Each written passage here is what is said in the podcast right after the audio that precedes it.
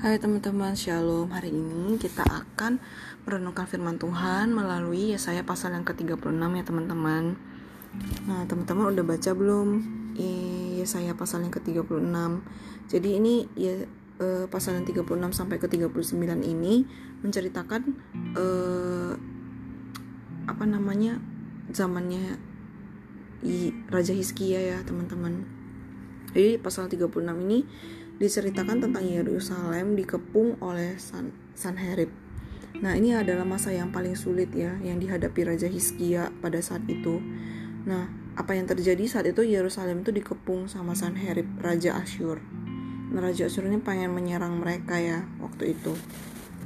Nah, pada saat itu Yehuda tuh pokoknya ada di titik yang sangat lemah lah, titik paling rendah lah.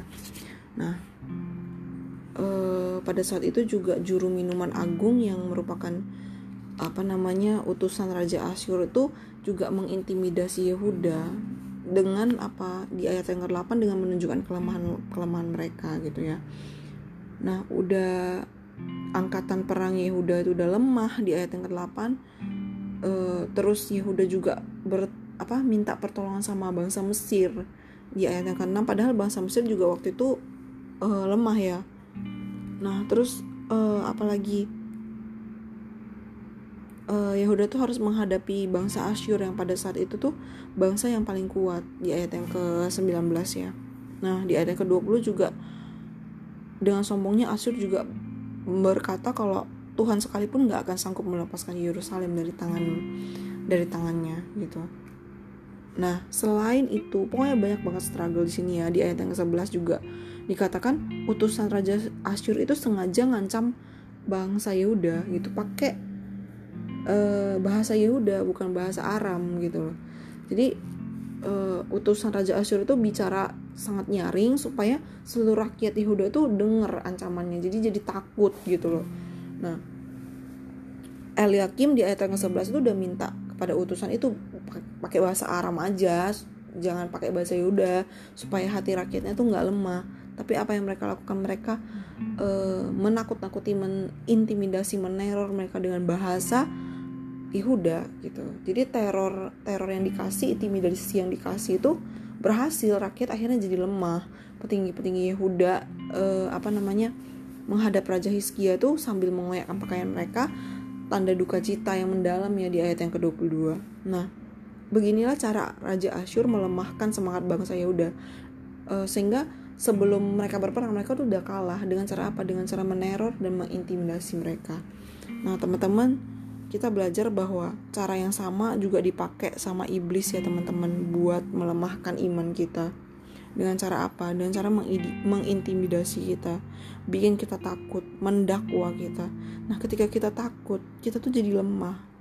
Nah ketika kita lemah iblis tuh akan jatuhin kita memang benar sih teman-teman. Kalau ada masalah kalau ada tantangan kalau ada tekanan kadang-kadang kita tuh takut kita tuh terintimidasi gitu. Tapi kalau kita bisa melihat gimana Tuhan itu menyertai kita dalam kehidupan kita sampai hari ini belajar untuk jangan mau termakan dengan intimidasi iblis yang mengatakan kalau kekuatan kita tuh kecil untuk mengatasi masalah kita yang besar gitu ya. Kekuatan kita tuh memang kecil. Aku akui kekuatan kita memang kecil. Kita nggak punya kekuatan. Tapi satu hal teman-teman kita punya Tuhan. Kita punya Tuhan yang jauh lebih besar yang kasih kita kekuatan yang jauh lebih besar dari masalah kita. Teman-teman memang uh, ketika kita punya masalah ya nggak gampang ya buat kita untuk uh, gampang bagi orang untuk mengatakan jangan takut jangan terintimidasi. Tapi ketika kita alami masalah uh, benar-benar kayak mentok nggak ada jalan keluar. Kita pasti terintimidasi gitu kan. Tapi satu hal ya teman-teman. Keadaan aku saat ini juga nggak gampang. Aku juga punya struggle gitu ya yang belum selesai gitu dan terkadang aku juga terintimidasi aku juga terteror dengan apa yang iblis katakan di dalam kehidupan aku menakut-nakuti aku. Tapi satu hal teman-teman melalui firman Tuhan Yesaya pasal yang ke-36 hari ini di ayat yang ke-20 dikatakan uh, uh, sorry sorry bukan di ayat yang ke-20. Intinya uh, cara iblis itu jatuhin kita tuh caranya mengintimidasi dan bikin kita lemah. Tetapi satu hal melalui pasal ini kita belajar jangan takut jangan terintimidasi. Ingat Tuhan kita tuh lebih besar kita punya Tuhan yang lebih besar dari masalah kita. Katakan kepada masalah kita Tuhan kita lebih besar sehingga kita mampu melewati itu.